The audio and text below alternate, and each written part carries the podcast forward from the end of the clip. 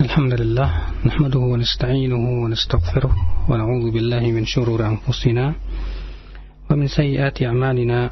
من يهده الله فلا مضل له ومن يضلل فلا هادي له. أشهد أن لا إله إلا الله وحده لا شريك له وأشهد أن محمدا عبده ورسوله. قال الله تعالى في كتابه الكريم يا أيها الذين آمنوا اتقوا الله حق تقاته ولا تموتن إلا وأنتم مسلمون أما بعد. Ayo ikhwah, azani Allah wa kita melanjutkan kajian kita. Masih tentang yaitu kitab-kitab uh, hadis dan telah kita bicarakan kemarin yaitu tentang Sunan Abi Daud, Sunan Tirmidzi, Sunan Nasai, demikian pula Sunan Ibnu Majah. Masih pembicaraan kita seputar kitab-kitab sunan dan juga beberapa kitab yang lainnya.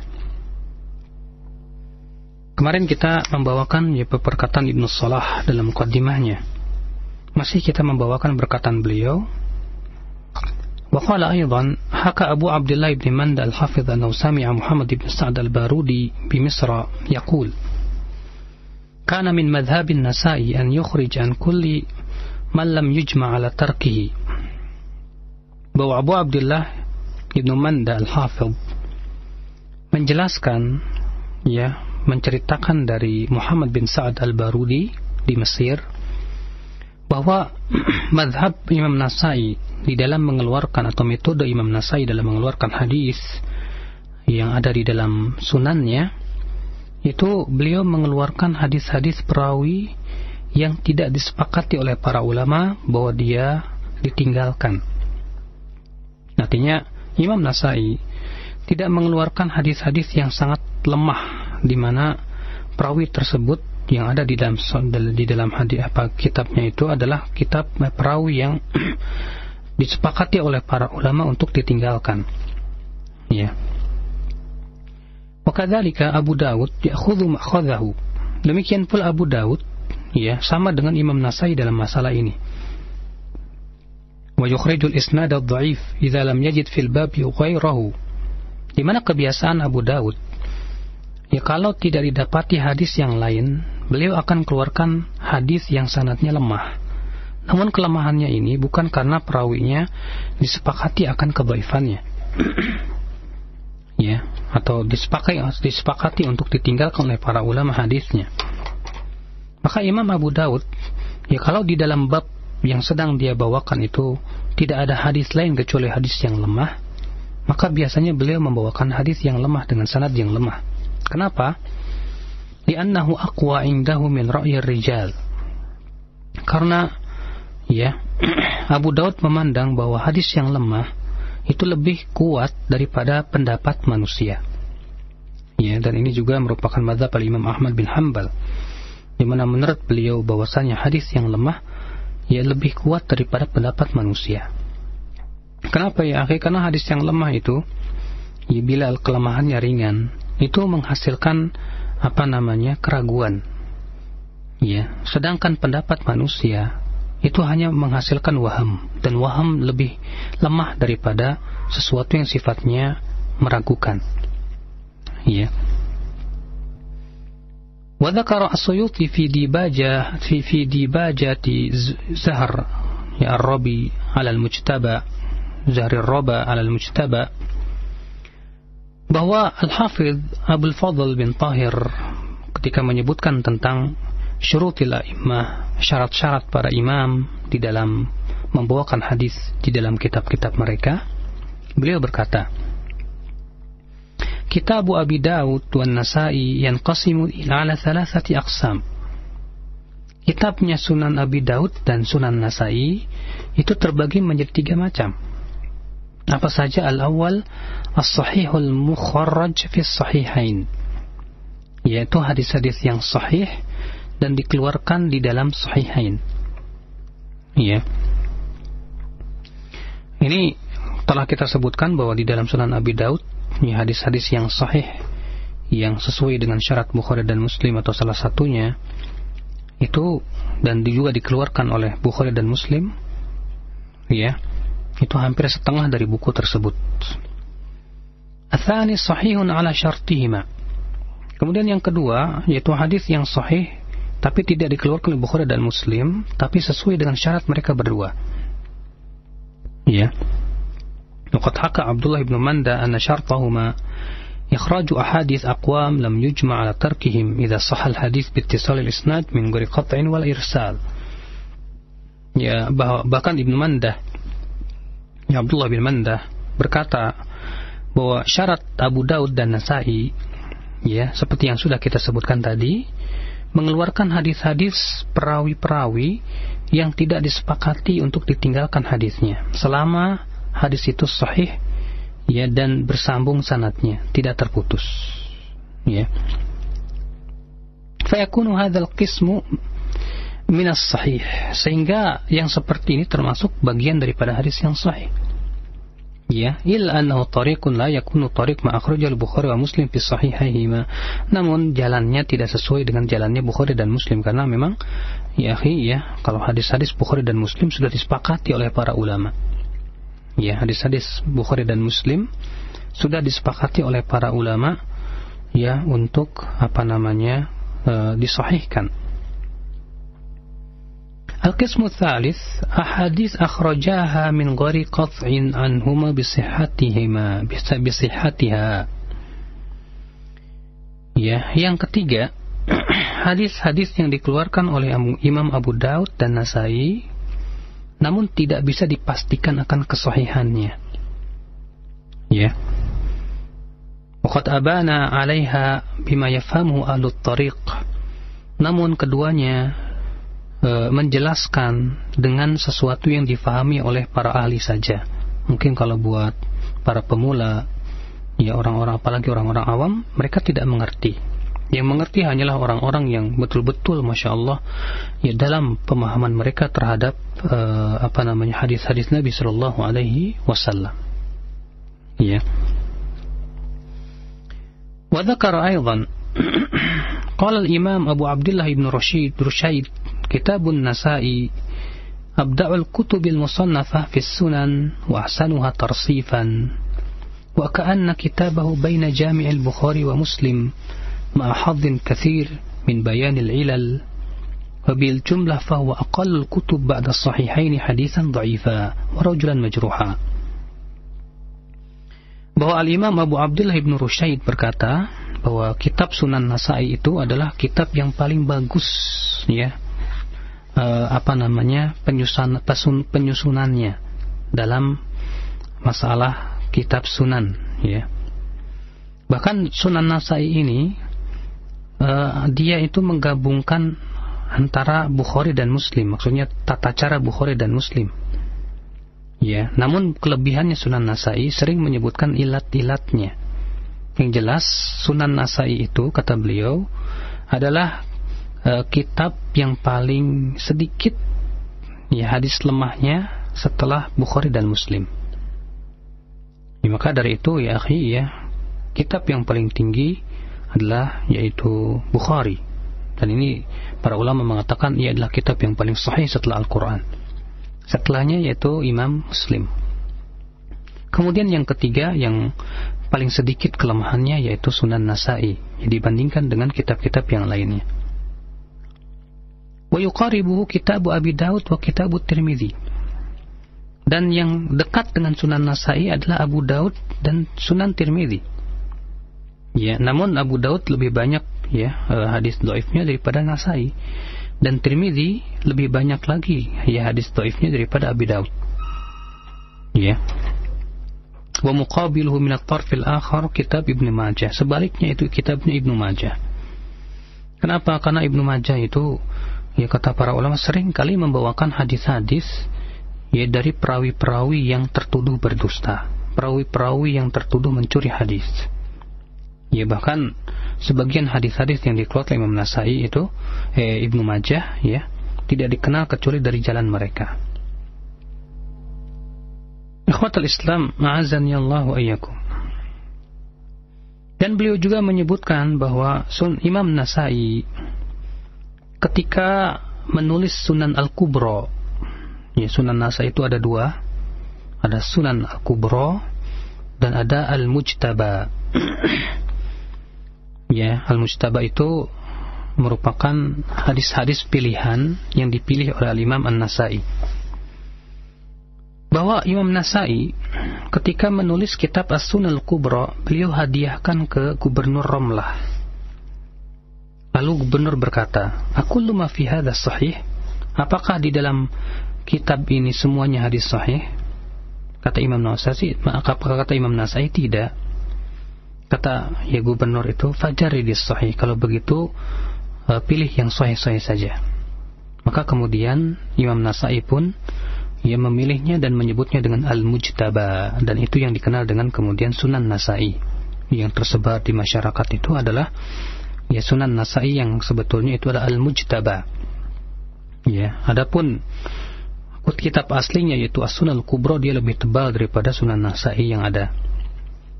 Ya. Wa qala Suyuti fi tadrib Berkata Al-Imam As-Suyuti dalam kitab beliau Tadribur Rawi, Waqala Syekhul Islam yani Al-Hafidh Ibn Hajar. Berkata Syekhul Islam yaitu Al-Imam Ibn Hajar ini uh, biasanya Imam As-Suyuti ya dalam kitab Tadrib uh, Ar-Rawi kalau menyebut Syekhul Islam maksudnya Ibn Hajar ya. Kata beliau Musnadud Darimi laisa duna sunan fi rutbah. Musnad Darimi itu uh, bisa sebanding dengan kitab-kitab sunan yaitu sunan Nasai, Abu Daud dan Tirmidzi. Balau dhumma ilal khamsah lakana aula min Ibni Majah. Bahkan ya sebetulnya kalau dikatakan bahwa Musnad Darim itu bisa dimasukkan yang keenam ya setelah Sunan Sahih Bukhari, Muslim, Nasai, Abu Daud, Tirmidzi ini lima ya kalau dimasukkan yang keenam itu musnad darimi, sunan darimi, itu lebih layak daripada sunan Ibnu Majah. Kenapa? Fa'innahu amsal minhu bikathir. Ya karena sunan darimi itu lebih baik hadis-hadisnya daripada Ibnu Majah. Ya, kenapa? Kemudian di akhir zaman para ulama lebih suka memasukkan Ibnu Majah daripada Sunan Darimi. Padahal ya Sunan Darimi lebih bagus hadis-hadisnya, ya sanad-sanadnya. Karena kata para ulama, ya Sunan Ibnu Majah itu banyak sekali zawaidnya. Artinya hadis-hadis yang tidak dapati dalam sunan-sunan yang lainnya hanya dalam Ibnu, Majah saja.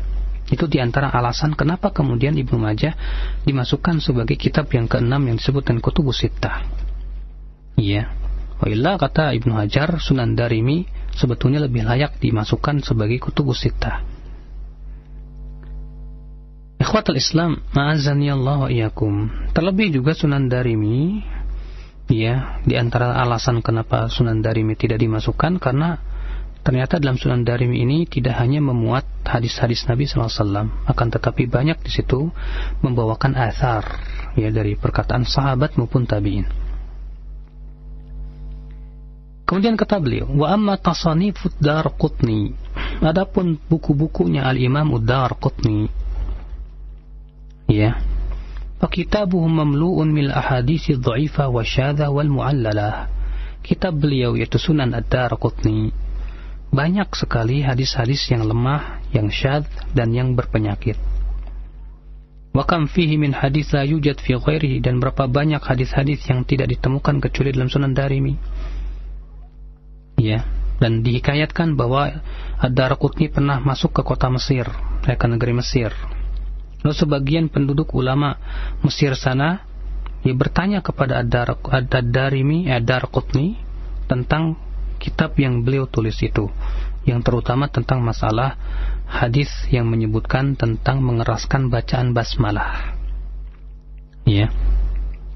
Nah, apa namanya? Penduduk apa namanya? Seorang ulama Mesir ini minta kepada Darqutni, tolong bikin sebuah juz, ya sebuah buku khusus mengumpulkan hadis-hadis yang menyebutkan tentang apa namanya mengeraskan bacaan basmalah.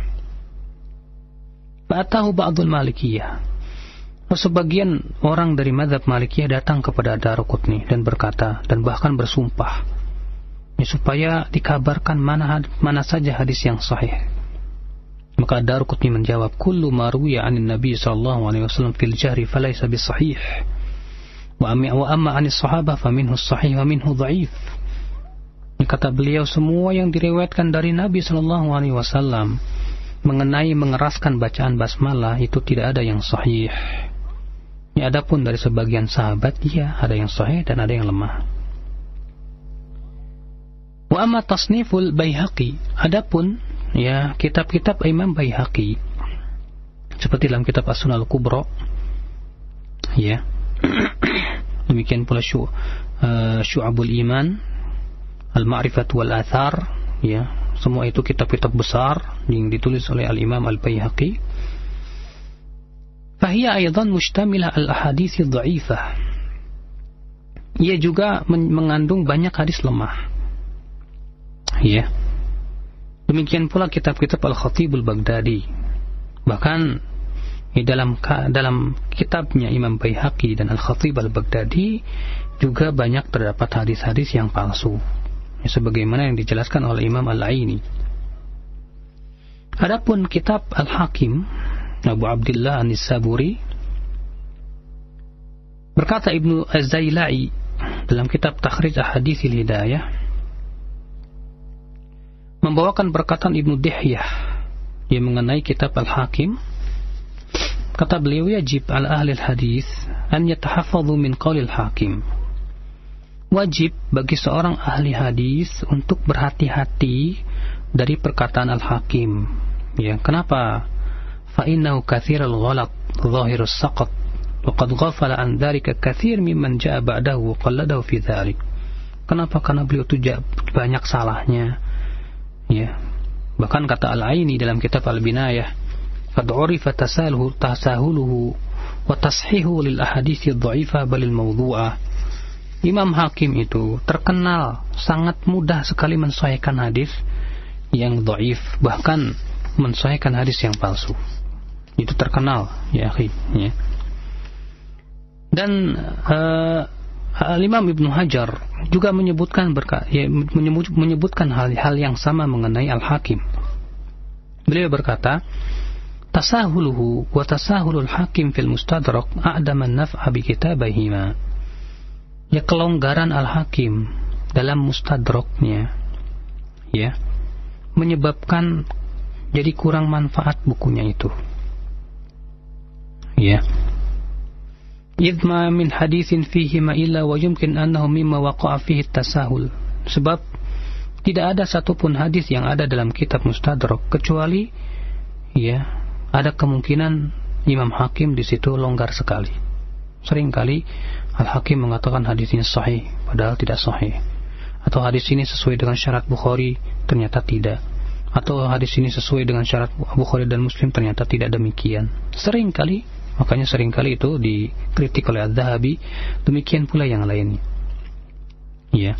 Walaupun demikian Al-Imam Az-Zahabi ia berkata, "Fil mustadrak jumlah wafirah ala syartihima wa jumlah wafirah ala syarti ahadihima wa majmu'u dhalika nahwa nisfil kitab."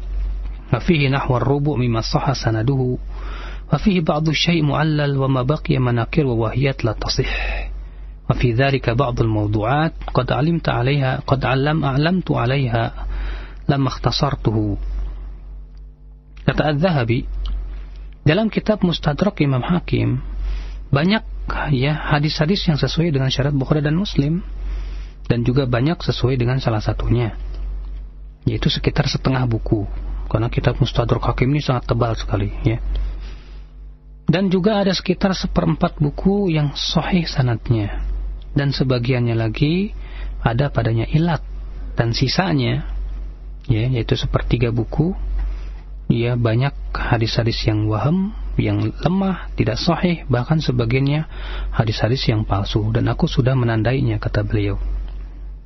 Nah ini ikhwatul Islam maka dari itu ya kalau Imam Hakim berkata hadis ini sahih jangan dulu kita percayai. Kenapa?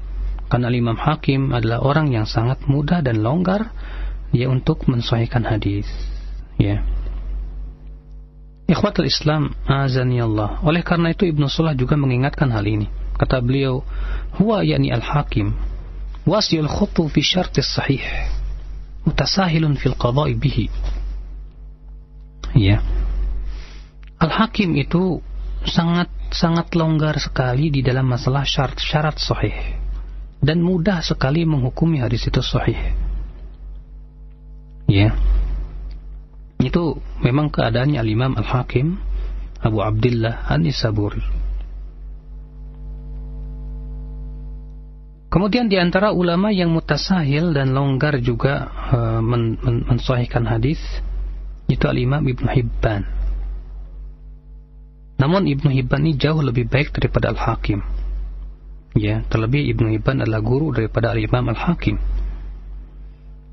Ya. Kenapa Ibnu Hibban uh, dianggap mutasahil, mudah sekali uh, hadis karena beliau punya uh, sebuah kaidah yang aneh yang diingkari oleh para ulama hadis. Apa itu? Bahwa setiap perawi yang tidak dikenal atau tidak tidak ada ulama yang memujinya dan tidak pula ula, ada ulama yang apa namanya mentoifkannya itu dianggap perawi yang thiqah. Ini kebiasaan Ibnu Hibban. Sehingga tidak aneh kalau Ibnu Hibban sering menganggap thiqah perawi-perawi yang majhul sebagaimana ya diketahui oleh orang-orang yang insyaallah terbiasa dengan memeriksa hadis-hadis Nabi Shallallahu Alaihi Wasallam, ya terutama dalam Sahih Ibnu Hibban. Ya, makanya kata para ulama kalau Ibnu Hibban bersendirian dalam mentikahkan perawi, maka pentikohan Ibnu Hibban tidak diterima.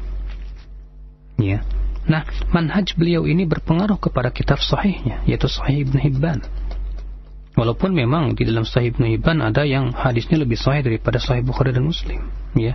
Akan tetapi karena manhaj beliau yang seperti itu, ya kalau seorang perawi tidak ada yang mengetahui, tidak diketahui adanya seorang pun ulama yang menthikohkannya atau mendoifkannya, Ibnu Hibban berpendapat karena Muslim itu pada asalnya katanya thiqah, jadi akhirnya dianggap thiqah. Padahal yang seperti itu dianggap majhul oleh para ulama ul hadis. Ya. Namun dia jauh ya Ibnu Hibban jauh lebih baik daripada Al-Hakim. Ya Allah a'lam. Nah ini ikhwatul Islam azani Allah wa iyyakum. Kemudian Ibnu Salah berkata, Kutubul Masanid ghairu multahiqa bil kutubil khamsah.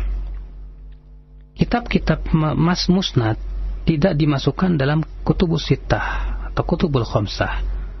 Apa itu? Bukhari, Muslim, Abu Daud, Nasai, dan Tirmidzi. Ya. Karena memang musnad-musnad yang ada itu tercampur padanya hadis-hadis yang sahih maupun hadis-hadis yang dhaif. Dan tata cara penulisannya pun berbeda. Ya, seperti musnad Abu Daud atau At-Tayalisi, Musnad Ubaidullah ibnu Musa, Musnad Ahmad, Musnad Ishaq bin Rahuya, Musnad Abad bin Humaid, Musnad Ad-Darimi, Musnad Abi Ya'la Al-Musili, Musnad Al-Hasan bin Sufyan, Musnad Al-Bazzar. Ya. Mereka menulis kitab musnad itu ya dengan sebatas menyebutkan hadis sesuai dengan sahabatnya.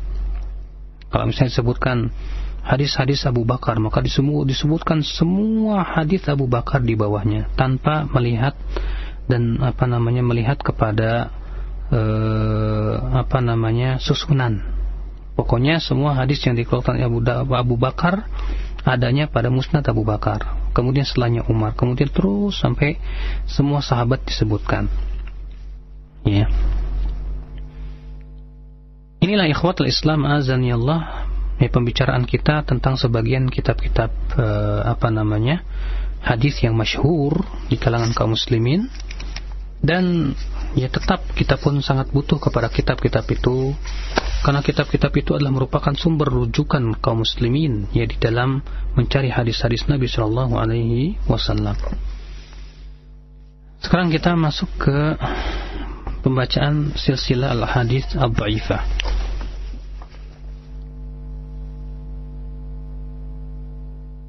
Pembacaan ya yaitu silsilah ahadits ad-dhaifah. Kita telah bacakan kemarin yaitu hadis yang ke-55 yang disebutkan bahwa suratul masyi tudhibu buha al-mu'min e, cepat berjalan cepat itu katanya bisa menjatuhkan kewibawaan seorang muslim atau seorang mukmin. Hadis ini sudah kita sebutkan hadis ini palsu atau mungkar jid dan sangat-sangat mungkar kata e, Imam Al-Albani rahimahullah. Terlebih hadis ini juga bertentangan dengan perbuatan Rasulullah di mana Rasulullah disebutkan bahwa beliau kalau berjalan itu bagaikan bumi itu dilipat. Dan adalah Umar bin Khattab ya apabila berjalan beliau cepat berjalannya. Tampaknya kata Syekh Albani hadis ini dibuat-buat oleh orang-orang yang mutazahidin yang pura-pura zuhud ya yang mereka menganggap bahwa hakikat zuhud itu orang yang tawadu itu jalannya lem, ya lemas pelan begitu dan ini jelas eh, apa namanya Eh, hadyun atau petunjuk yang tidak sesuai dengan petunjuk Rasulullah alaihi wasallam. Taib hadis selanjutnya hadis yang ke-56. Laulan nisa la'ubidallahu haqqan haqqa. Kalau bukan karena wanita, Allah akan diibadahi sebenar-benarnya. Ini hadis ya melecehkan para wanita ini. Namun bergembiralah para wanita bahwa hadis ini maudhu palsu. Jadi keluarkan Ibnu Adi dari jalan Muhammad bin Imran Al-Hamadani. Haddathana Isa bin Ziyad Ad-Dawraqi. Wal haddatsana Abdurrahim bin Zaid Al-Ama an abihi an Sa'id bin Al-Musayyib an Umar ibn Khattab marfu'an. Dan dalam sanadnya ada di situ Abdurrahim bin Zaid ya.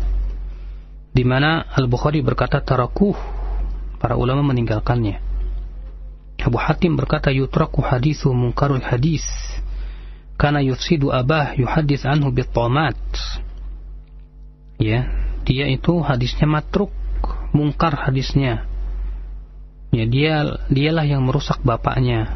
Di mana ia membawakan dari bapaknya ya musibah. Bahkan Yahya bin Ma'in berkata kadzabun khabis.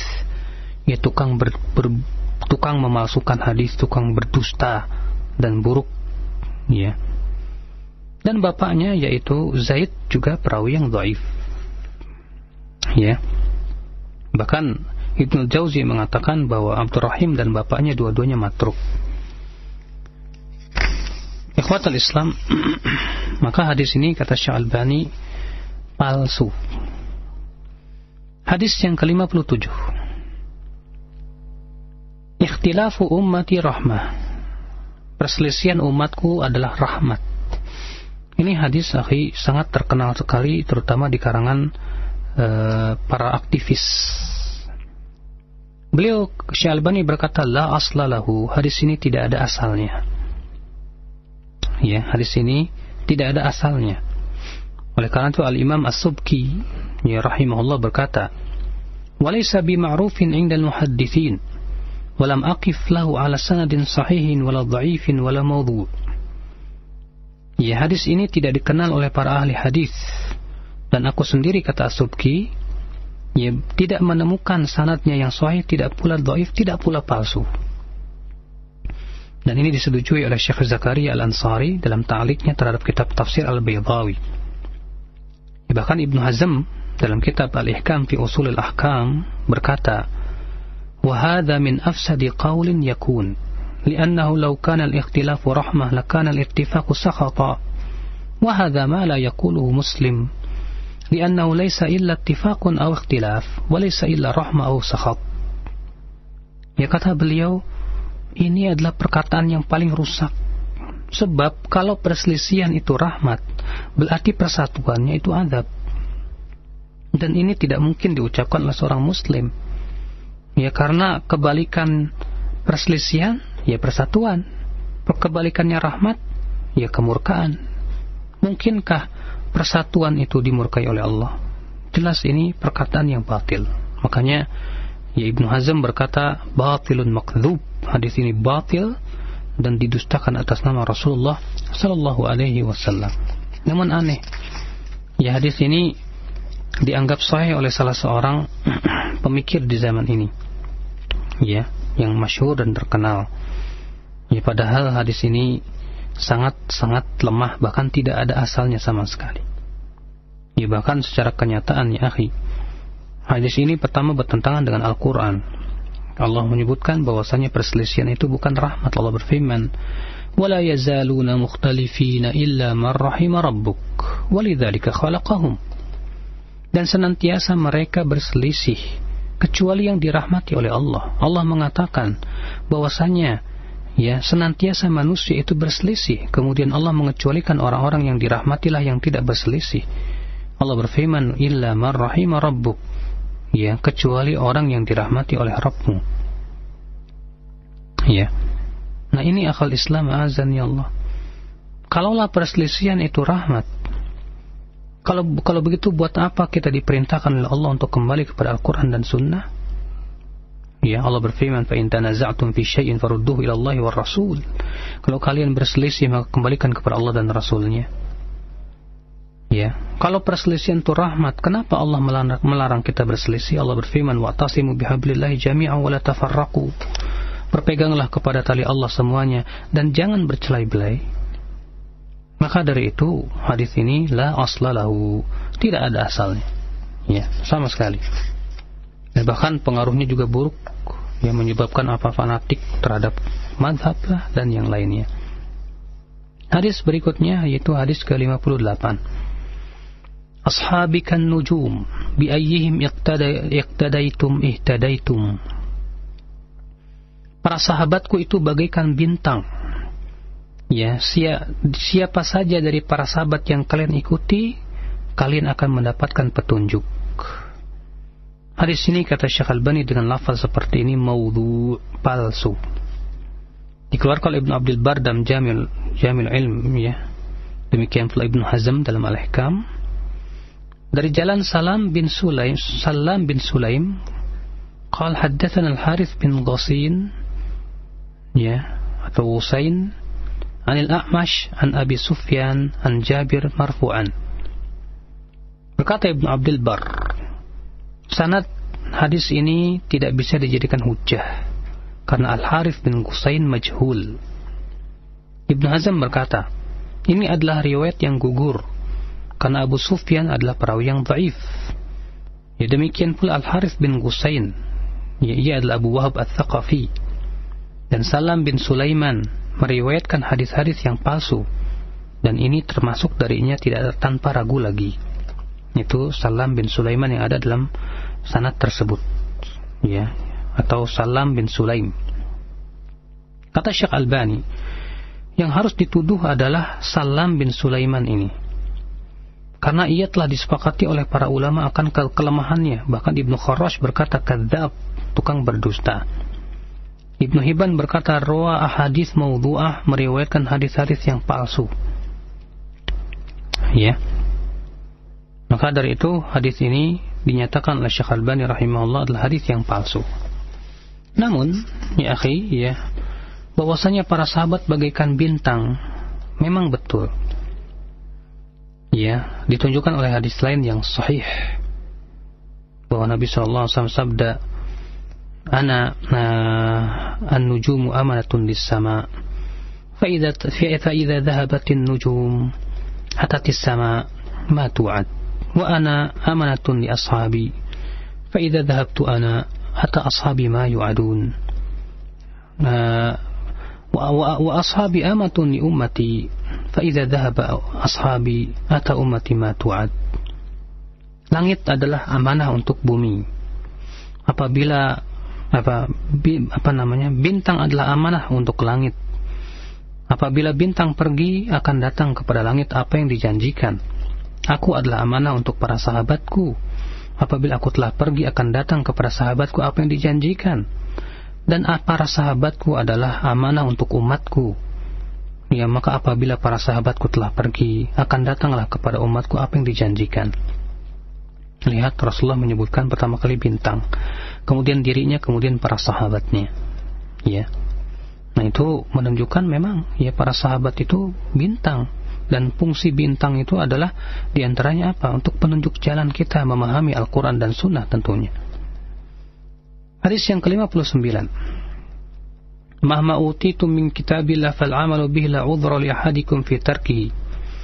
Fa illam yakun fi kitabillah fa sunnatun فسنة مني ماضية فإن لم يكن سنة مني ماضية فما قال أصحابي إن أصحابي بمنزلة النجوم في السماء فأيهما أخذتم به اهتديتم واختلاف أصحابي لكم رحمة apa saja yang kalian diberikan dari kitab Allah maka wajib dia dia, dia mengamalkannya. Dan tidak ada udur bagi seseorang untuk meninggalkannya. Jika tidak ada dalam kitab Allah maka sunnah dariku yang berlaku. Jika tidak ada sunnah dariku yang berlaku maka apa yang difahami oleh para sahabatku? Sesungguhnya para sahabatku itu bagaikan bintang di langit. Ya mana saja kalian ambil kalian akan mendapatkan hidayah dan perselisihan para sahabatku itu rahmat buat kalian. Hadis ini kata Syekh Albani maudhu palsu. Dikeluarkan Al-Khatib dalam kitab dalam kitab Al-Kifayah fi Ilmi Riwayah. Al-Baihaqi dalam Al-Madkhal Ad-Dailami dan demikian pula Ibnu Asakir dari jalan Sulaiman bin Abi Karimah dari Juwaibir dari Abduhaq dari Ibnu Abbas secara marfu. Kata beliau sanad ini sangat lemah sekali Kenapa Sulaiman bin Abi, bin Abi Karimah dikatakan oleh Ibnu Abi Hatim dari ayahnya dhaiful hadis. Juwaibir yaitu Ibn Sa'id Al-Azdi seorang perawi yang matruk. Ya dan didhaifkan oleh Ibnu Madini. Sangat dhaif kata Ibnu Madini. Ya dan Ad-Dhahhak tidak bertemu dengan Ibnu Abbas. Ya maka dari itu kata beliau hadis ini sangat lemah. Hadis ini sangat lemah sekali. Oleh karena itu ya tidak bisa dijadikan hujah. Nah ini ikhwatal Islam azan ya Allah wa yakum uh, hadis mengenai disebutkan hadis bahwa para sahabatku bagaikan bintang. Hadis yang ke-60 Sa'al tu Rabbi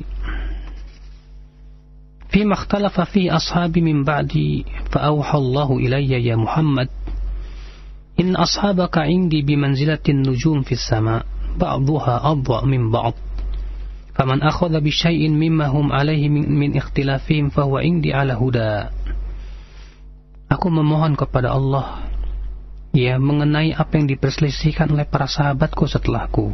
Maka Allah mewahyukan kepadaku Wahai Muhammad, sesungguhnya para sahabatmu di sisiku bagaikan bintang di langit.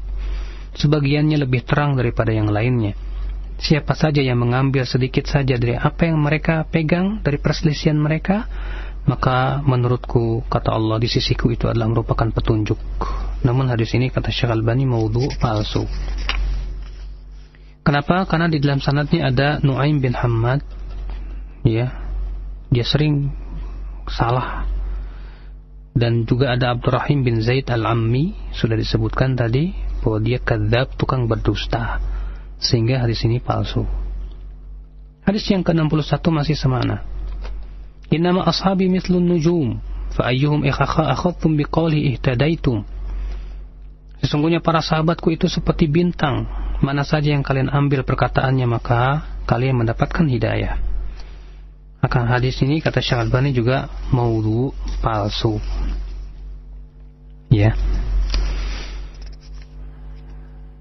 Dikeluarkan Ibnu Abdul Bar dan dalam sanadnya ada Hamzah Al-Jazari di mana Hamzah Al-Jazari ini dikatakan oleh Darqutni matruk.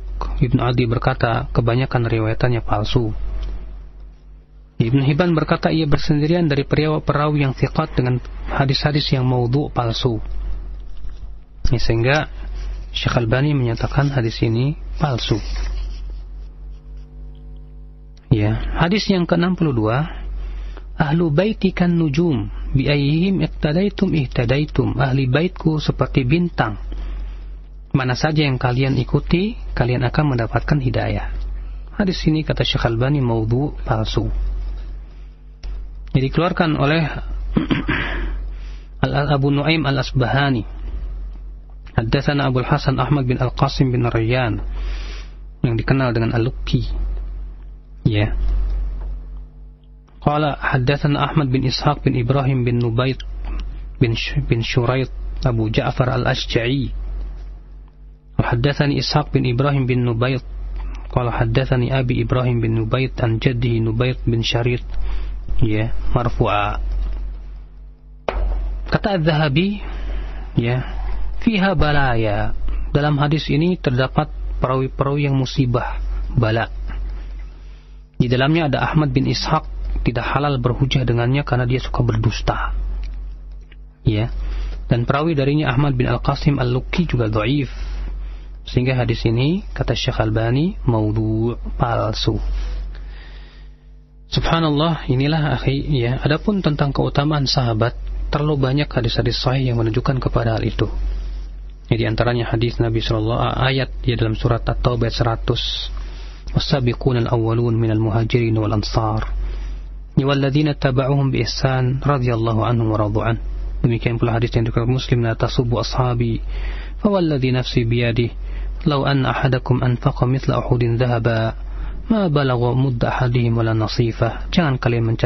para sahabatku. Ya Ya kalau di antara kalian ada yang berinfak dengan sebesar gunung emas, itu tidak akan sampai dengan infak mereka satu mut atau setengah mut. Di antara juga hadis Allah Allah fi ashabi, la tattakhidhuhu ghardan min ba'di min ba'di. Ya faman ahabbahum fa bihubbi uhibbuhum wa man abghadahum fa bihubbi. Ya, Bertakwalah kalian kepada Allah terhadap para sahabatku. Jangan dijadikan sebagai alat cercaan setelahku. Siapa yang mencintai mereka, maka dengan kecintai, kecintaanku aku cinta kepada mereka. Dan siapa yang membenci kepada mereka, kata Rasulullah, maka dengan kebencianku aku akan benci kepada mereka. Dan hadis-hadis yang lain ya, akhi, ya. Yang jelas para ulama bersepakat untuk merujuk pemahaman para sahabat Rasulullah sallallahu alaihi wasallam. Saya kira cukup ya. Insyaallah kita lanjutkan dengan hadis-hadis berikutnya pada pertemuan yang akan datang. Nah. Baik, jazakallah khair kepada Ustaz Abu Yahya Badr Salam dalam pembahasan bab dengan uh, pembahasan kitab-kitab hadis dan derajat berkenaan dengan keabsahan atau kesahihannya. Kemudian beberapa hadis daif pada kitab silsilah sudah kita simak bersama kemudian kami berikan kesempatan bagi Anda untuk bertanya secara langsung di line telepon 0218236543 da Dan untuk pertanyaan pesan singkat Anda bisa sampaikan di 0819 896543. Kita angkat dari penelpon yang pertama, silahkan. Halo. Assalamualaikum. Waalaikumsalam warahmatullahi dengan siapa? Arni di Jakarta. Silakan Ibu. Uh, saya pernah baca hadis uh, kalau apa menunaikan umroh pada saat um, bulan Ramadan itu uh, sama dengan menunaikan ibadah haji bersama Nabi Shallallahu Alaihi Wasallam. Apa kata apa itu benar Ustaz? Ya gitu aja. Ya. Ya, makasih. Assalamualaikum. Waalaikumsalam warahmatullahi wabarakatuh. Jazakallah khair Ibu Ari. Assalamualaikum warahmatullahi wabarakatuh. Dan pertanyaan sama saat diajukan berkenaan dengan derajat hadis tersebut. Apakah benar ada hadis yang menyebutkan bahwa umrah di bulan Ramadan sama dengan ibadah haji? Jazakallah khair. Hadis itu sahih. Ya, dari beberapa jalan bahkan Al-Imam Al-Munziri, Al-Hafidh Al-Munziri dalam kitab beliau Targhib wa Tarhib membawakan jalan yang banyak sekali. Ya, mengenai hadis bahwasannya umroh bersama Rasulullah SAW itu bagikan eh umroh di bulan Ramadan itu bagikan haji bersama Rasulullah. Itu dari hadis Ummu Sulaim. Ya demikian pula um, dari hadis Ummu Ma'kil demikian pula dari hadis yang lainnya. Ya silahkan dirujuk kitab Sahih Targhib wa Tarhib. Di situ Al Imam Al Hafidh Al Mundhiri membawakan riwayat-riwayat yang banyak tentang masalah ini dan itu menunjukkan bahwa hadis ini adalah hadis yang sahih makanya Syekh Albani menyatakan bahwa hadis itu sahih. Nah. Baik, jazakallah khair atas jawabannya. Kita berikan kesempatan yang kedua untuk pendengar kita, kita di 0218236543. Silahkan. Halo. Assalamualaikum. Waalaikumsalam warahmatullahi dengan siapa? Dengan Indra. Di mana Pak Indra? Di Jakarta. Baik, silahkan Pak ini minta dijelaskan kepada kami ya Ustaz kedudukan hadis antum a'lamu di umuri dunyakum karena ada seseorang yang uh, diustadkan mengatakan hadis itu bertentangan dengan Al-Quran surat Al-Isra ayat 36 baik Iya. Gitu saja, seperti Pak? Itu. Iya. Iya. Jazakallah khairan Ustaz. Oh, iya. Assalamualaikum warahmatullahi Waalaikumsalam warahmatullahi wabarakatuh. Jazakallah khair Pak Indra. Silakan Ustaz. Hadis itu sahih dikeluarkan Muslim dalam sahihnya. Ya. Di mana hadis itu dikeluarkan Muslim dalam sahihnya dan ada cerita kisah bahwasanya Rasulullah SAW melewati para sahabat yang sedang mengawin-ngawinkan eh, kurma. Kemudian Rasulullah SAW mengatakan kalau kalian tinggalkan saja, ya, tentu kalau Allah sudah takdirkan akan berbuah. Maka para sahabat mengira bahwa ini aja berasal dari wahyu Rasulullah, dari wahyu, Allah. Mereka pun meninggalkannya. Apa yang terjadi? Rupanya kurma-kurma itu rusak. Ya. Lalu mereka datang ke Rasulullah mengadukan hal itu. Maka Rasulullah bersabda, "Ya antum a'lamu bi umuri dunyakum." Kalian lebih tahu tentang urusan agama kalian atau dunia kalian. Ya, adapun urusan agama maka maka itu adalah dikembalikan kepada diriku. Hadis ini sahih. Ya, saya yang saya tahu hadis ini tidak dipermasalahkan oleh para ulama hadis di zaman dahulu. Namun ada orang yang di zaman sekarang yang akalnya lemah, ya, dan berani sekali menyalahkan para ulama yang begitu banyak dari tahun ke tahun, dari zaman ke zaman, dari generasi ke generasi, mereka tidaknya tidak menganggap sebagai hadis yang lemah. Apalagi dikatakan bahwa hadis ini bertentangan dengan Al-Quran. Bah- bah- Bahkan, ya para ulama ketika menulis kitab Mukhtaliful Hadis, ya hadis-hadis yang bertabrakan, baik hadis yang bertabrakan dengan Al-Quran atau hadis bertabrakan dengan hadis yang lain, tidak menyebutkan hadis ini bahwa hadis ini bertabrakan dengan Al-Quran. Ya, para ulama menganggap ya tidak bertentangan dengan Al-Quran. Tapi kemudian di zaman ini ada orang yang subhanallah ya dengan kesombongan dia seakan-akan dia orang yang apa namanya lebih alim daripada ulama terdahulu menganggap katanya lemah karena bertentangan dengan Al-Quran. Ya bagaimana akan dikatakan Rasulullah SAW tidak tahu masalah apa namanya e, kurma padahal kan dalam Al-Quran jelas disebutkan bahwasanya Allah menyebutkan segala sesuatu berpasang-pasangan katanya. Maka kita jawab pertama bahwa bukan sesuatu yang eh, naif kalau ternyata Rasulullah tidak mengetahui sebagian perkara masalah duniawi. Ya. Itu bukan sesuatu yang men- menurunkan derajat Rasulullah. Terlebih Rasulullah bukan orang yang biasa tinggal di kota Madinah. Beliau orang Mekah, di mana orang-orang Mekah tidak biasa dengan pertanian. Ya, Rasulullah tahu ya tentang apa namanya kurma, tentang buah kurma. Namun biasalah ya orang-orang Mekah tidak terbiasa dengan pertanian, mereka lebih biasa dengan bi- bisnis dan perdagangan. Maka ya sudah wajar kalau orang yang tidak paham atau tidak tahu tentang bagaimana tata cara ya mengembangkan eh, pohon kurma kemudian ternyata ia tidak tahu bagaimana tata caranya. Itu bukan kekurangan buat Rasulullah.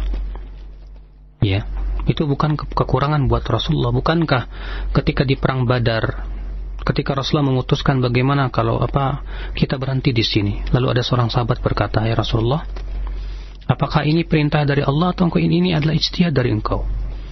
Kata Rasulullah ini ijtihad dari saya. Kata sahabat ini kalau begitu menurut saya kurang tepat ya Rasulullah. Lebih baik kita maju ya. Kita kuasai lembah di sana yang di sana banyak mata airnya supaya terhalang orang-orang musyrikin dari air. Maka kemudian Rasulullah memandang benar. Ya apa yang dikatakan oleh sahabat ini? Ya seperti ini Rasulullah menerima. Maka tidak terhalang kalau ternyata Rasulullah SAW ya pada waktu itu qadarullah tidak mengetahui misalnya tentang tata cara mengawinkan kurma. Ya. Sehingga apa ya akal Islam ya ini bukan sebuah tikaman terhadap Rasulullah. Dan juga tidak menunjukkan bahwasanya hadis ini bertentangan dengan Al-Quran. Ya betul segala sesuatu berpasang-pasangan. Ya betul. Akan tetapi sebatas berpasang-pasangan lalu bagaimana tata cara mengawinkannya dan yang lainnya tentu dikembalikan para ahlinya.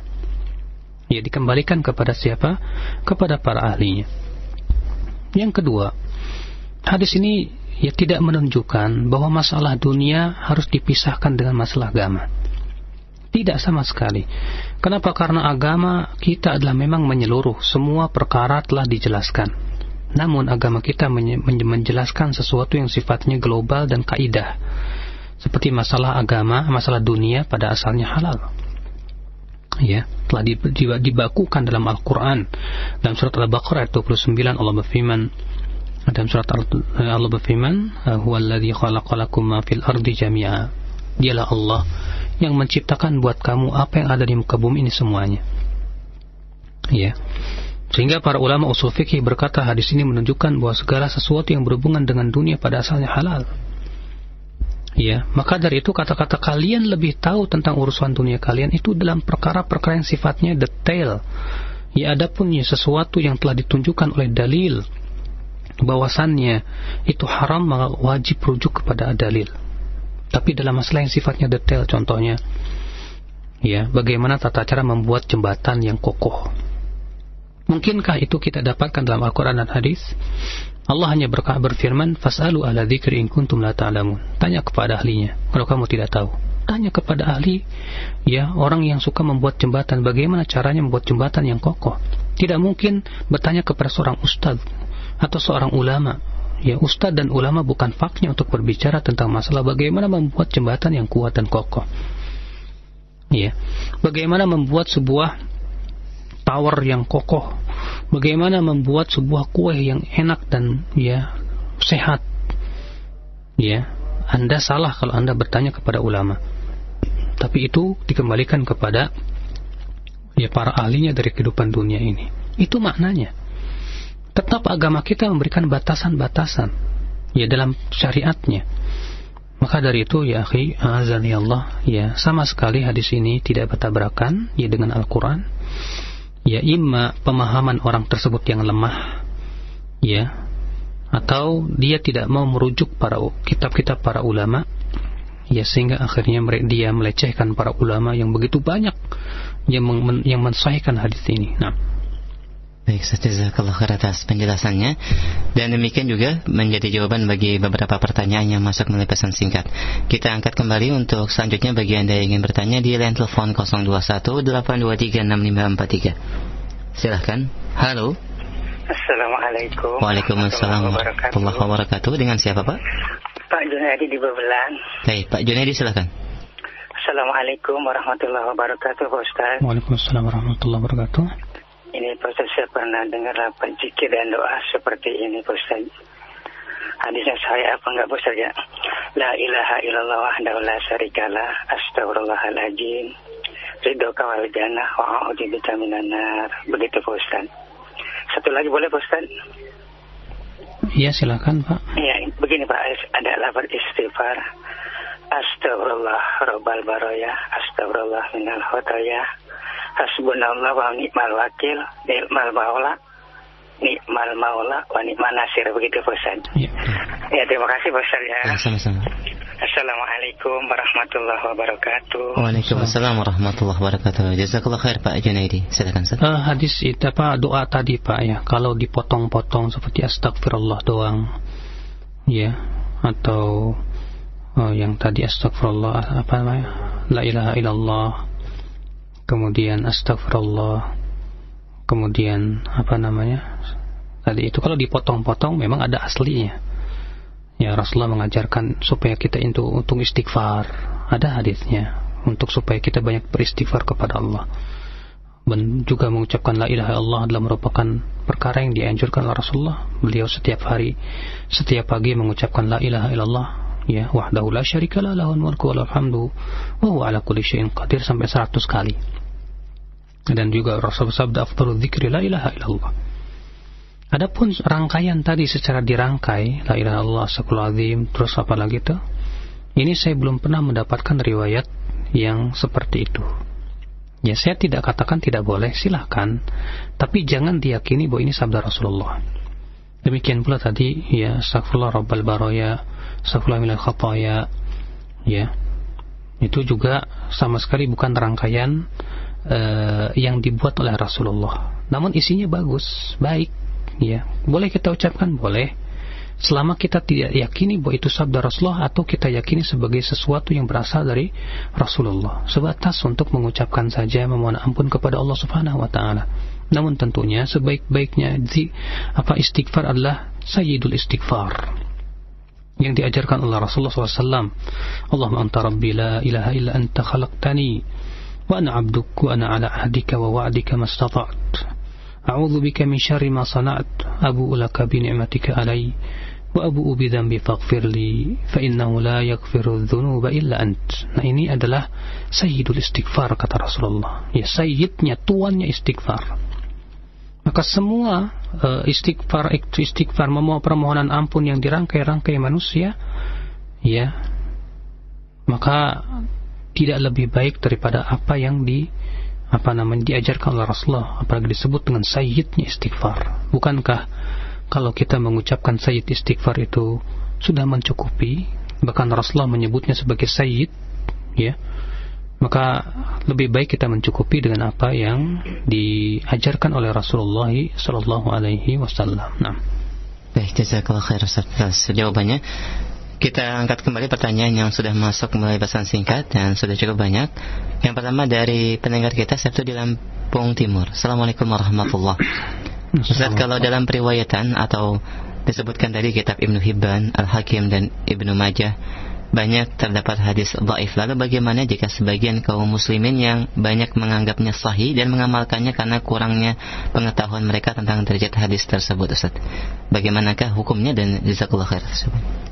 Kewajiban seorang penuntut ilmu untuk bertanya kepada ahlinya. Allah berfirman, "Fas'alu ahla dzikri in kuntum la ta'lamun." Hendaklah mereka bertanya, hendaklah kamu bertanya kepada ahlinya jika kamu tidak tahu. Seharusnya kewajiban orang awam sebelum mengamalkan sebuah hadis adalah untuk bertanya kepada ahlinya apakah hadis ini sahih atau dhaif. Ya. Dan kewajiban seorang alim adalah untuk menjelaskan kepada murid-muridnya bahwa hadis ini sahih atau hadis ini dhaif dan yang lainnya. Ya tidak boleh ia menyembunyikan ilmu. Apalagi mengatakan itu bukan salah kita, itu yang salah yang membuat hadis. Loh, sudah tahu itu salah, sudah tahu itu palsu, kenapa diamalkan oleh kita? Ya ini jelas tidak dibenarkan akal Islam. Nah ini, ya oleh karena itu Al-Imam Al-Zahabi ya pernah ketika mengomentar, mengomentari dalam kitab Sir Alamin Nubala perkataan seseorang di zaman ya, apa dari seseorang tasawuf ya, ketika ditanya oleh murid muridnya ya kenapa kamu berbuat seperti ini? Kata gurunya ya tidak ada seorang murid yang berkata kenapa kepada gurunya apa kata Adhabi? Yang bagi li talibil ilm an yakula li syekhihi kay lima. Justru sudah selayaknya, sepatutnya kita yang mencari ilmu berkata kepada gurunya, apa alasannya? Kenapa begitu? Kenapa begini? Ya, untuk kita mengetahui tentang dasar dan dalil. Ya. Kewajiban kita adalah berusaha untuk ya di atas keilmuan tidak boleh kita mengamalkan suatu hadis sampai kita pastikan dulu hadis tersebut sahih apa dhaif. Tentu dengan cara apa? Bertanya kepada para ahlinya. Nah, kalau si orang awam ini datang kepada kiainya, lalu kiainya berkata hadis itu sahih. Ya menurut si kiai, ternyata hadis itu dhaif atau bagaimana? Mungkin bagi orang awam ya tidak berdosa karena dia sudah melaksanakan tugas, tapi buat kiainya dia berdosa karena dia belum ya apa berkata tanpa ilmu barangkali misalnya kalau ternyata si kiai tersebut serampangan dalam mengangkat mengatakan hadis ini saya dhaif. Ini ya. Maka dari itu sekali lagi ya akal Islam ya kewajiban orang awam adalah bertanya kepada ahlinya. Nah Baik, Ustaz Jazakallah khair atas jawabannya Ustaz. Kami angkat kembali pertanyaan dari pesan singkat dan ada beberapa pertanyaan berkaitan dengan sebuah kaidah Ustaz. Ada dua kaidah yang ditanyakan. Yang pertama, apa, uh, apabila suatu sunnah manakala dilaksanakan kemudian mendatangkan kemudaratan daripada manfaat, maka kita dianjurkan untuk tidak menjalankan sunnah tersebut. Apakah ini suatu kaidah yang sahih dari uh, disebutkan para ulama? Dan yang kedua, benarkah kaidah ukhuwah lebih kita kedepankan atau lebih penting daripada kuat-kuatan dalil Ustaz? Dan apakah kaidah ini mutlak salah atau mutlak benar? Jazakallahu khair. Uh, yang pertama tadi apa lupa suatu sunnah apabila dijalankan mendatangkan mudarat yang lebih besar maka dianjurkan untuk tidak dijalankan Ustaz. Uh, ya kaidah ini bisa jadi benar kalau ya mafsadahnya mutahakik kata para ulama memang betul-betul ya bisa terjadi. Sebuah contoh misalnya Rasulullah ya ingin membangun Ka'bah sesuai dengan bangunan Nabi Ibrahim terdahulu. Tapi beliau tidak jadi mengamalkannya karena takut malah memberikan mudarat ya, kepada orang-orang yang baru masuk Islam dari kalangan orang-orang Arab. Ya. Padahal itu sesuatu yang seharusnya dilakukan oleh Rasulullah tapi kemudian beliau tinggalkan karena takut dikhawatirkan akan munculnya mudarat yang lebih besar. Ya. Namun sekali lagi kekhawatiran dari mudarat ini bukan hanya sebatas kekhawatiran tanpa alasan. Akan tetapi memang ya secara uh, pengalaman atau prediksi yang kuat bahwa itu betul-betul akan terjadi maka pada waktu itu silahkan karena kaidah mengatakan darul mafasid muqaddam ala jalbil masalih. Bahwa mendatangkan mafsadah ya, menghindari mafsadah maaf lebih didahulukan daripada mendatangkan maslahat. Ya menghindari mafsadah lebih dia didahulukan daripada apa? Daripada apa? Daripada mendatangkan maslahat. Allah Adapun yang kedua ya bahwa ukhuwah lebih dikedepankan daripada beradu dalil. Pertama, bahwa beradu dalil tidak sama sekali tidak menghilangkan ukhuwah. Justru ya beradu dalil adalah merupakan konsekuensi kita ukhuwah. Kenapa? Ya karena ukhuwah yang hakiki adalah seseorang berusaha untuk bersaudara di atas jalan yang benar dan mencari kebenaran. Ya, memang terkadang ketika beradu dalil menyebabkan hati kita sebel gitu ya atau kurang suka sama orang yang berhujah dengan kita. Namun tentunya sebetulnya ya perkara seperti ini tidak perlu kita khawatirkan. Dalam artian tidak perlu kita jadikan sebagai beban di hati kita kalau kita memang niatnya benar-benar mencari kebenaran. Ya bukan mencari popularitas ataupun kemenangan.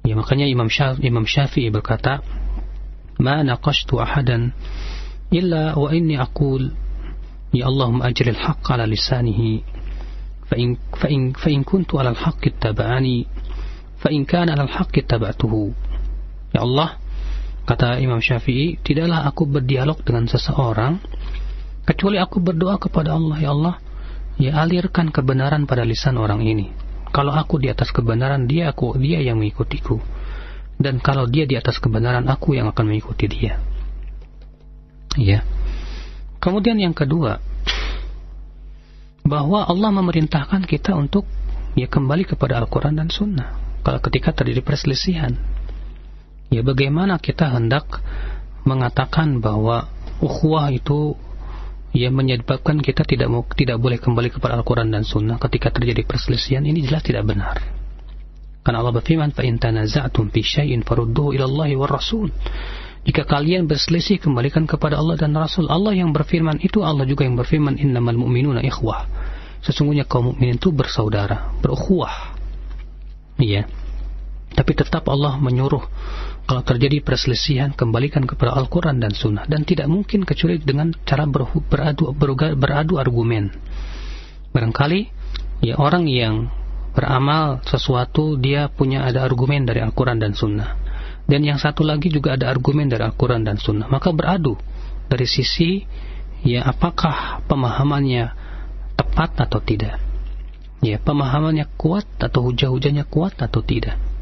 Itu penting. Makanya para ulama terdahulu ya selalu apa biar berdialog dengan sejuk ya tujuan mereka apa? Untuk mencari kebenaran. Tentunya itu diperbolehkan. Ya. Maka dari itulah ikhwatal Islam kalau dalam masalah-masalah seperti ini sama sekali sebetulnya tidak bertentangan dengan, dengan ukhuwah.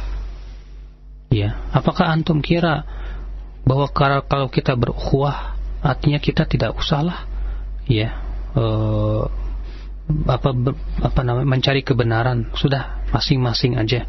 Sesuai dengan apa yang dia pandang baik.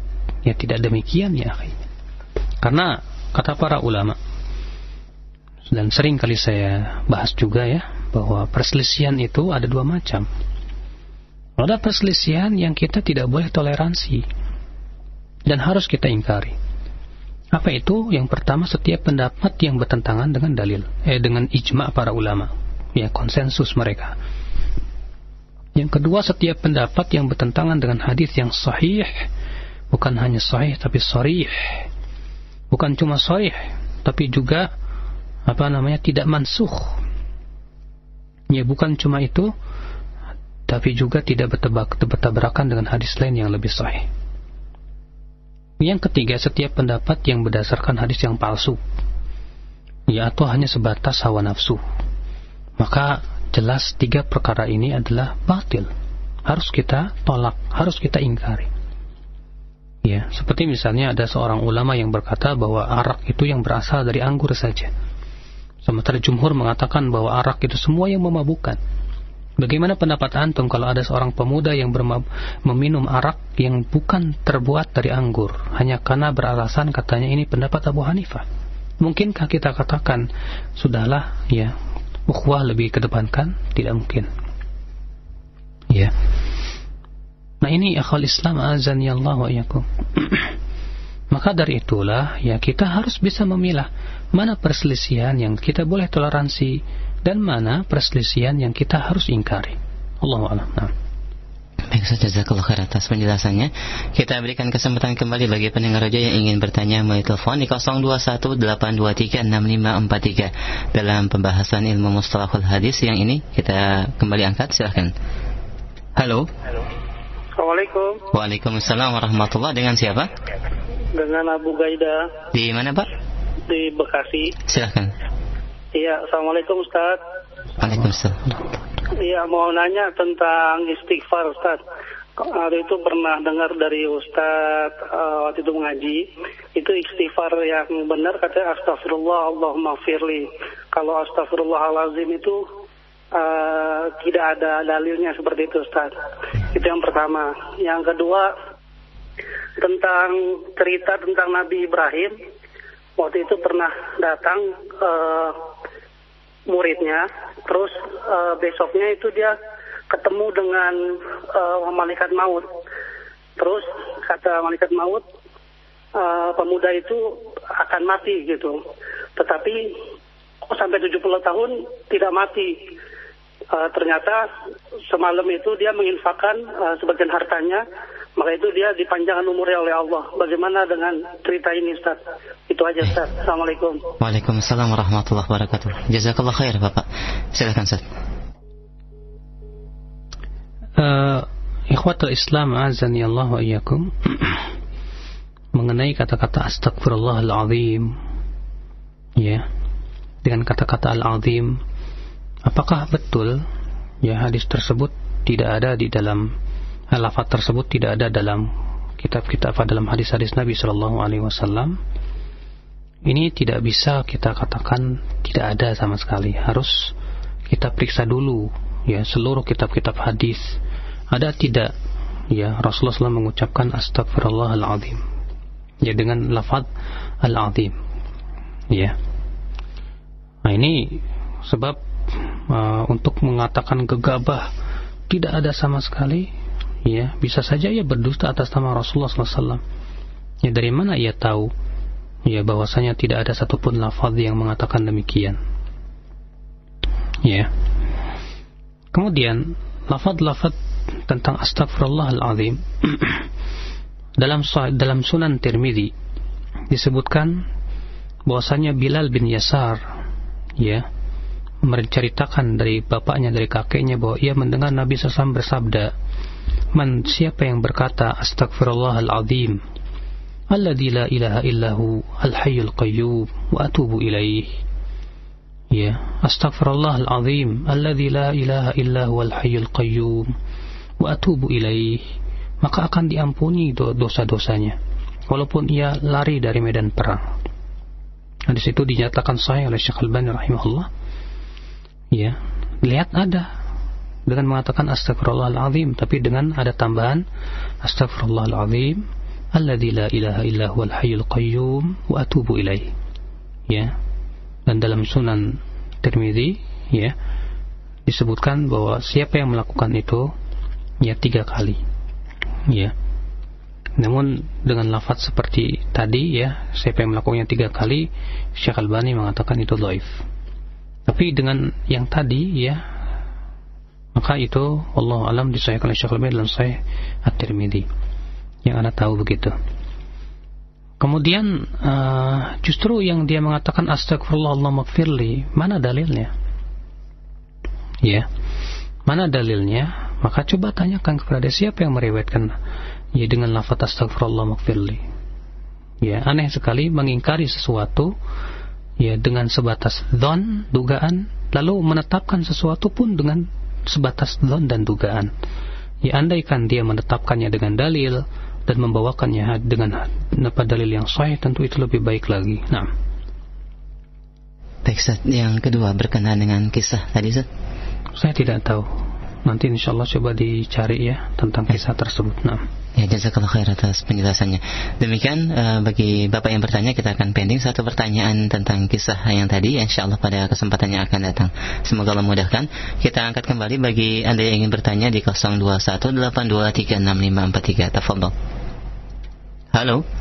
Assalamualaikum warahmatullahi wabarakatuh. Waalaikumsalam warahmatullahi wabarakatuh. Dengan siapa di mana? Dari Naila Rohma di Cikarang. Silahkan. Oh. Ya, ini Ustaz, apakah boleh apabila mengirim SMS itu diawali dengan Bismillahirrahmanirrahim kemudian salam dengan mengikuti contoh Rasulullah SAW ketika mengirim surat kepada uh, Raja Heraklius Yusuf ya. Baik. Ustaz, uh, kalau khairan. Assalamualaikum warahmatullahi wabarakatuh. Iya, Waalaikumsalam warahmatullahi wabarakatuh. Silakan. Uh, memang ya adalah Rasulullah SAW ketika mengirim surat ke Heraklius maka Rasulullah SAW di situ dalam surat tersebut disebutkan ya Bismillahirrahmanirrahim. Assalamu ala man ittaba'al huda ya sebelumnya disebut ila azimir raq ila ila azimir rum Herakl. Ya, kepada pembesar Romawi Heraklius. Bismillahirrahmanirrahim. Assalamu ala man ittaba'al huda dan para ulama mengatakan ini merupakan sunnah kalau kita menulis surat hendaknya dimulai dengan Bismillahirrahmanirrahim lalu kemudian kita mengucapkan Assalamualaikum warahmatullahi wabarakatuh ya maka bolehkah dikiaskan dengan SMS ya karena SMS termasuk surat ya SMS termasuk surat Allah alam nah. Baik saja jazakallah khair. Kita berikan satu kesempatan kembali dari telepon sebelum kita angkat dari pesan singkat. Silahkan di 0218236543. Halo. Assalamualaikum. Assalamualaikum warahmatullahi wabarakatuh. Ya, Waalaikumsalam warahmatullahi wabarakatuh. Dengan siapa Umu di mana? Muela Cikampek. Baik, silahkan Umu. Uh, Ustaz, apakah ada dalil ke keutamaan orang yang meninggal di hari Jumat? Dan bagaimana kalau ha hari Arafah nanti hari Sabtu saumnya gimana Ustaz sunahnya? Syukran. Assalamualaikum warahmatullahi wabarakatuh. Afwan Umu, Waalaikumsalam warahmatullahi wabarakatuh. Silakan Ustaz. Uh, tentang keutamaan orang yang meninggal di hari Jumat. Disebutkan oleh Syekh Albani rahimahullah dalam kitab Ahkamul Janais dan beliau menyatakan hadisnya hasan. Bahwa orang yang mati di hari Jumat tanda ya orang yang mati husnul khatimah. Dan kita mohon kepada Allah supaya Allah berikan kepada kita husnul khatimah. Ya adapun tentang puasa di hari apa tadi kata hari Sabtu bertepatan dengan puasa Arafah. Terjadi ikhtilaf para ulama tentang masalah ini. Ya. Sebab ikhtilaf itu adalah dalam memahami hadis yang dikeluarkan Abu Daud, la tasumu yawmas sabti illa fi mafturid alaikum. Jangan tidak janganlah kalian berpuasa pada hari Sabtu kecuali yang diwajibkan saja. Kata-kata kecuali yang diwajibkan yang mempunyai yang memberikan problematika kepada para ulama sebagian seperti Syekh Albani mem memandang bahwa ya di sini mutlak. Pokoknya setiap yang sunnah tidak boleh. Karena Rasulullah tidak mengecualikan kecuali yang yang fardu saja. Sementara sebagian ulama mengatakan bahwa hadis ini dibatasi oleh hadis-hadis yang lain.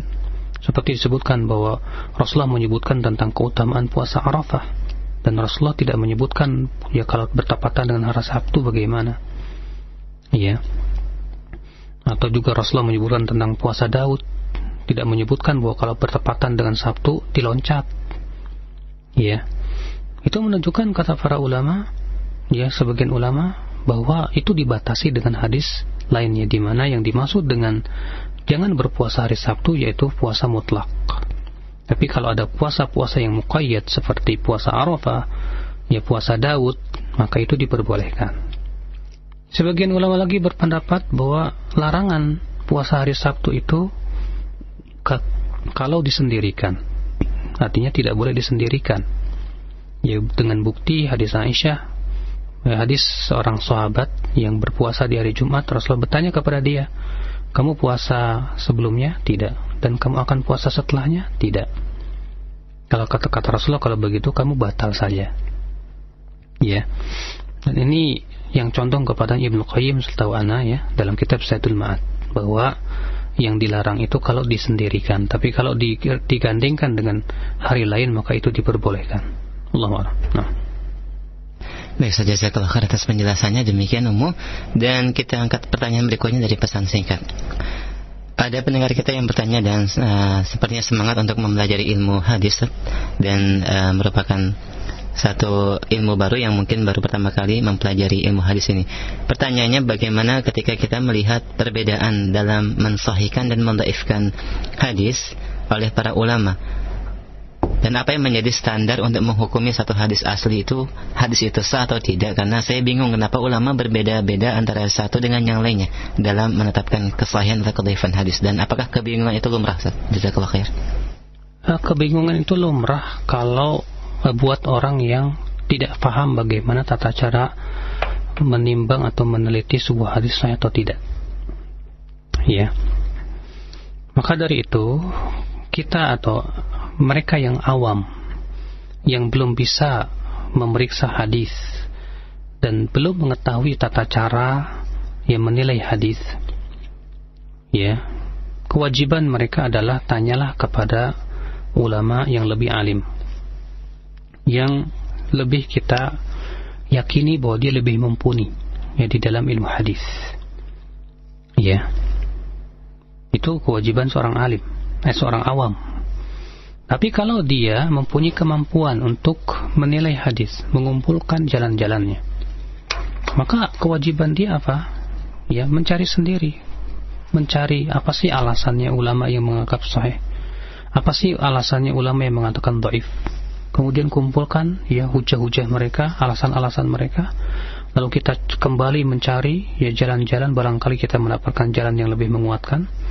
Ya, boleh dalam kitab-kitab uh, hadis atau dalam kitab-kitab takhrij sehingga sampai kemudian kita pun sampai kepada uh, apa namanya dugaan kita yang kuat bahwa yang benar adalah pendapat si fulan ini.